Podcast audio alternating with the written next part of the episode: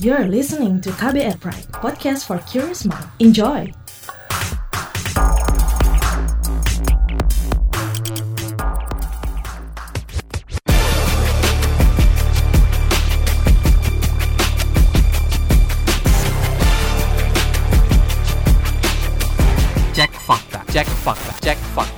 Halo, ketemu lagi bareng gue Don Brady di podcast Cek Fakta edisi 20 Juni 2022. Kita bakal bahas top 3 hoax of the week yang beredar dari tanggal 11 hingga 20 Juni 2022, hasil periksa fakta dengan tingkat engagement paling tinggi pada akun Instagram at turnbackhoaxid bersama Ari Bowo Sasmito, co-founder dan fact-check spesialis Masyarakat Anti Fitnah Indonesia. Mavindo. Podcast ini bisa Anda simak di kbrprime.id setiap Senin dan di aplikasi podcast lainnya.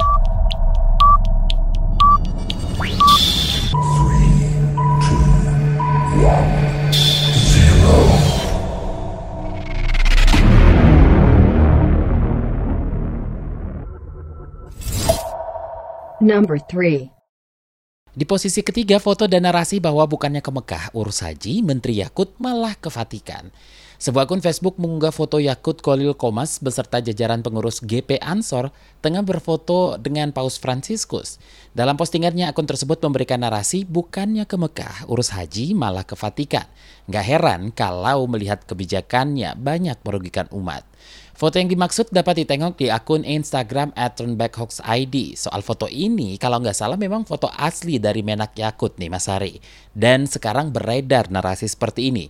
Gimana nih kategorinya kalau ini? Betul sekali Mas Don, memang fotonya asli dari Menak Yakut, tapi ini masuk ke kategori konteks yang salah. Jadi walaupun fotonya asli, bukan editan, bukan suntingan, tapi ini konteksnya dipelintir seperti biasa kalau pelintiran konteks 5W1H atau ASDI Kamba, apa, siapa, di mana, kapan, mengapa, bagaimana. Jadi ini sebetulnya foto di September tahun 2019 lalu, bukan sekarang ya, pelintirannya di waktunya ya, konteks waktu. Waktu itu masih menjabat sebagai ketua GP Ansor saja, belum menjadi Menteri Agama. Jadi salah kalau dikait-kaitkan dengan jabatan sekarang ini, jabatan Menteri Agama karena sekali lagi ini pelintiran konteks konteks waktunya karena sebetulnya ini foto di 2019 bukan foto ketika Yakut Kolil Komas sudah menjadi Menteri Agama. Number 2. Di posisi kedua, foto Presiden Joko Widodo dengan narasi soal maling kundang yang nggak mau mengakui ibu kandung. Sebuah akun Facebook mengunggah postingan berupa kolase foto Presiden Jokowi dengan ibunya dan seorang yang diklaim sebagai ibu kandung Jokowi. Dengan narasi pada postingan bertuliskan hanyalah Malin Kundang yang tidak mau mengakui ibu kandungnya. Foto yang dimaksud dapat ditengok di akun Instagram at turnbackhoaxid. HLBK nih mas sepertinya, hoax lama bersemi kembali dan lagi-lagi soal Pak Jokowi. Saat sudah dibuat penelusuran faktanya berulang kali, kenapa nih mas? Masih tinggi aja engagementnya. Ya Mas Don memang uh, cukup disayangkan ya, udah bolak-balik jadi HLBK, hoax lama bersemi kembali. Uh, siapa pun presidennya saya pikir ini akan menjadi sasaran ya, karena memang ujung-ujungnya sebetulnya ini adalah menggunakan media sosial untuk arena pertempuran, battleground gitu ya. Jadi bukan game PUBG doang yang jadi battleground, tapi media sosial sebagai alat pertempuran karena ya itu kan sebutlah penyalahgunaan teknologi itu ya karena teknologi apa pun, inovasi apa pun itu ada saja orang yang menggunakan dengan cara negatif. Nah, eh, seperti yang barusan saya sebutkan bahwa ini HLBK, uh, ini masuk ke kategori konten yang menyesatkan karena isunya sudah pernah diluruskan di printer lagi makanya dibilang menyesatkan menyesatkan. Ini sudah ada bukunya yang bukunya itu ditelusuri langsung oleh penulisnya yang menyebutkan bahwa sebetulnya ibu kandung dari Pak Jokowi adalah almarhumah Ibu Sujiatmi dan kalau dibilang terkait dengan PKI ayahnya Pak Joko itu sebetulnya adalah kepala desa yang tidak mungkin di masa Orde Baru itu bisa jadi pejabat kalau memang terkait dengan PKI tapi memang e, mau diklarifikasi berapa kali pun selalu saja digoreng-goreng-goreng ulang-ulang-ulang dan dimunculkan lagi gitu. Karena ya memang tadi faktor bahwa sengaja disebar-sebarkan ulang di media sosial karena media sosial hari gini itu sudah menjadi arena pertempuran. Number 1. Di posisi pertama, foto dan narasi soal tiket masuk Candi Borobudur naik karena patung candi berwajah Jokowi. Jadi, beredar sebuah postingan gambar oleh sebuah akun Facebook pada 12 Juni 2022. Postingan tersebut memperlihatkan patung candi berwajah Jokowi yang diklaim sebagai penyebab harga tiket Candi Borobudur meningkat. Oke, soal ini sempat ramai banget dan menyinggung salah satu mantan menteri nih Mas Ari kita nggak mau nih bahas si mantan menterinya sebenarnya ya. Tapi bagaimana nih hasil penelusuran Mavindo? Betul, memang ini kasusnya masih cukup hangat karena berkaitan dengan kasus yang masih berjalan. Ada beberapa pihak juga yang melaporkan, tapi kita nggak seperti kata Mas Don, kita nggak bakal membahas itu secara detail. Nah sebetulnya ini peringkat satu ini sesuatu yang uh, cukup apa ya uh, diperdebatkan ya karena untuk yang tahu bahwa ini satir ya sesuai kategorinya ini kami masukkan ke kategori satir ya akan paham bahwa ya ini satir menyindir gitu tapi bisa juga dimasukkan ke kategori satunya. Pilihannya ada dua tadi ya satir atau satu lagi konten yang dimanipulasi. Karena ini tentu saja hasil manipulasi yang kali ini sayangnya menyinggung umat dari agama tertentu. Gitu makanya kasusnya dilaporkan. Ya, tentu saja karena ini hasil manipulasi untuk keperluan satir yang masuk ke kategori parodi. Kategori parodi itu tidak bermaksud menipu tapi berpotensi merugikan kalau berdasarkan tujuh kategori misinformasi, misinformasi yang dipakai oleh kami oleh Mavindo ya. Jadi memang untuk kategori parodi ini masih masuk perdebatan karena sebetulnya parodi itu masuk ke kreativitas tapi uh, biasanya menggunakan hasil suntingan bisa juga dimasukkan ke konten yang dimanipulasi dan ini yang membuat dia naik ke peringkat satu tapi untuk yang lalu memang orang akan memperdebatkan sesuatu yang sebetulnya ini beda dengan pelintiran konteks ya. Pelintiran konteks itu pelintiran dari 5W1 hanya lebih rumit. Nah kalau konten yang dimanipulasi itu ini salah karena suntingan. Titik selesai. Uh, orang sudah orang umum orang awam juga sudah cukup mudah paham. Tapi pada intinya tadi bahwa sebetulnya ini tidak ada kaitannya dengan Candi Borobudur tetapi ini adalah hasil dari manipulasi yaitu wajahnya Pak Jokowi yang ditempelkan ke foto dari salah satu stupa di Candi Borobudur dan yang membuat ini ramai komentar naik ke peringkat satu adalah ya berkaitan dengan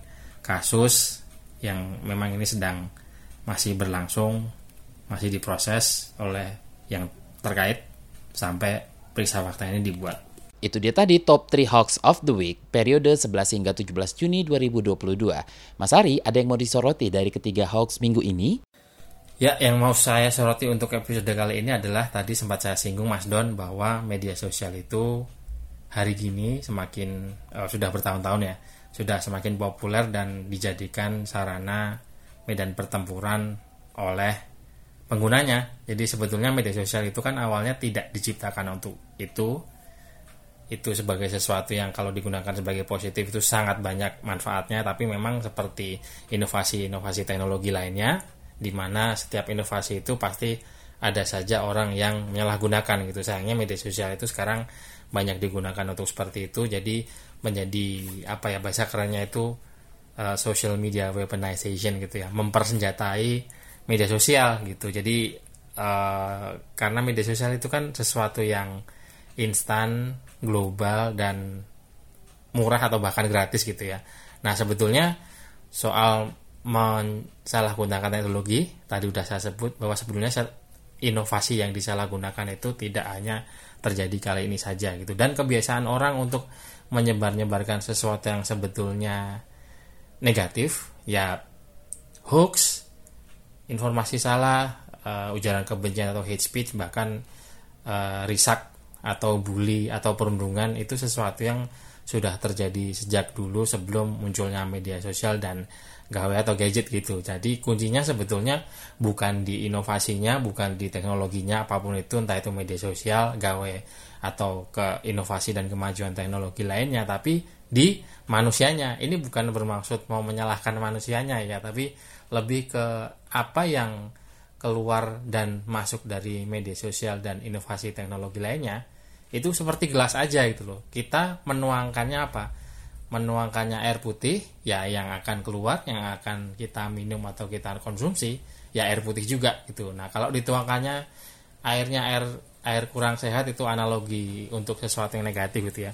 Kalau yang dituang itu airnya air kurang sehat nah yang kita konsumsi yang keluar dari gelas tentu saja sama gitu. Jadi sebetulnya kalau mau menyalahkan platform menyalahkan media sosial dan gawai iya ada salahnya gitu. Tapi yang lebih berperan sebetulnya adalah penggunanya di mana apa yang masuk beredar dan keluar dari media sosial dari gawai dari teknologi itu lebih tergantung ke penggunanya. Apakah lalu platform dan pembuat gawai atau gadget sama sekali tidak bisa disalahkan? Bisa gitu. Tapi mereka juga sebetulnya sudah banyak menjalankan selain menjalankan kewajiban secara karena mereka kan perusahaan ini ya perusahaan komersial bukan perusahaan amal mereka. Selain mereka mendapatkan keuntungan sebagian dari keuntungan itu dialokasikan untuk upaya-upaya CSR misalnya corporate social responsibility gitu ya.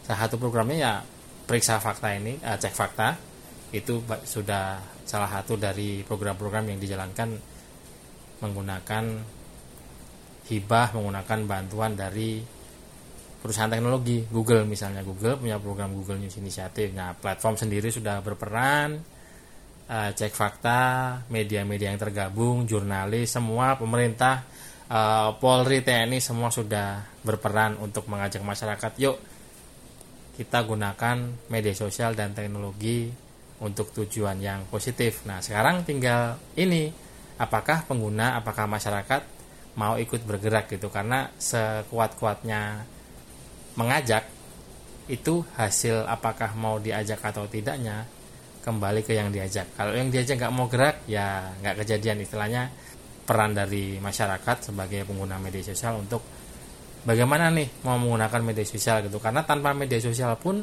sebetulnya dari dulu hal-hal yang ber, sekarang hal-hal negatif yang beredar di media sosial ini sudah kejadian gitu sejak lama gitu. Tapi memang skala kecepatan dan betapa instannya di ujung jarinya nah, kalau dulu mungkin agak lama gitu ya beredarnya di uh, mau itu hoax mau itu informasi salah mau itu bergunjing mau itu risak bully-bulian atau hal-hal negatif lainnya kalau dulu sebelum era media sosial dan gawe atau gadget itu agak lambat. Jadi beredarnya ke paling tetangga kita mentok-mentok satu kecamatan atau di di daerah terbatas mulut ke mulut gitu ya.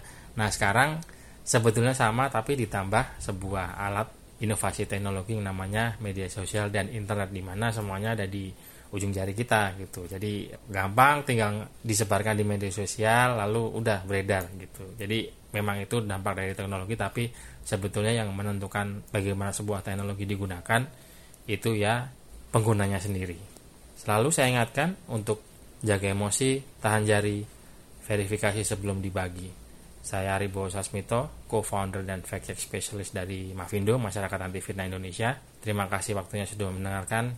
Wassalamualaikum warahmatullahi wabarakatuh. Oke, terima kasih telah menyimak podcast Cek Fakta ini. Kami menantikan masukan Anda lewat podcast at kbrprime.id. Sampai jumpa di episode berikutnya. Cek Fakta. Cek Fakta.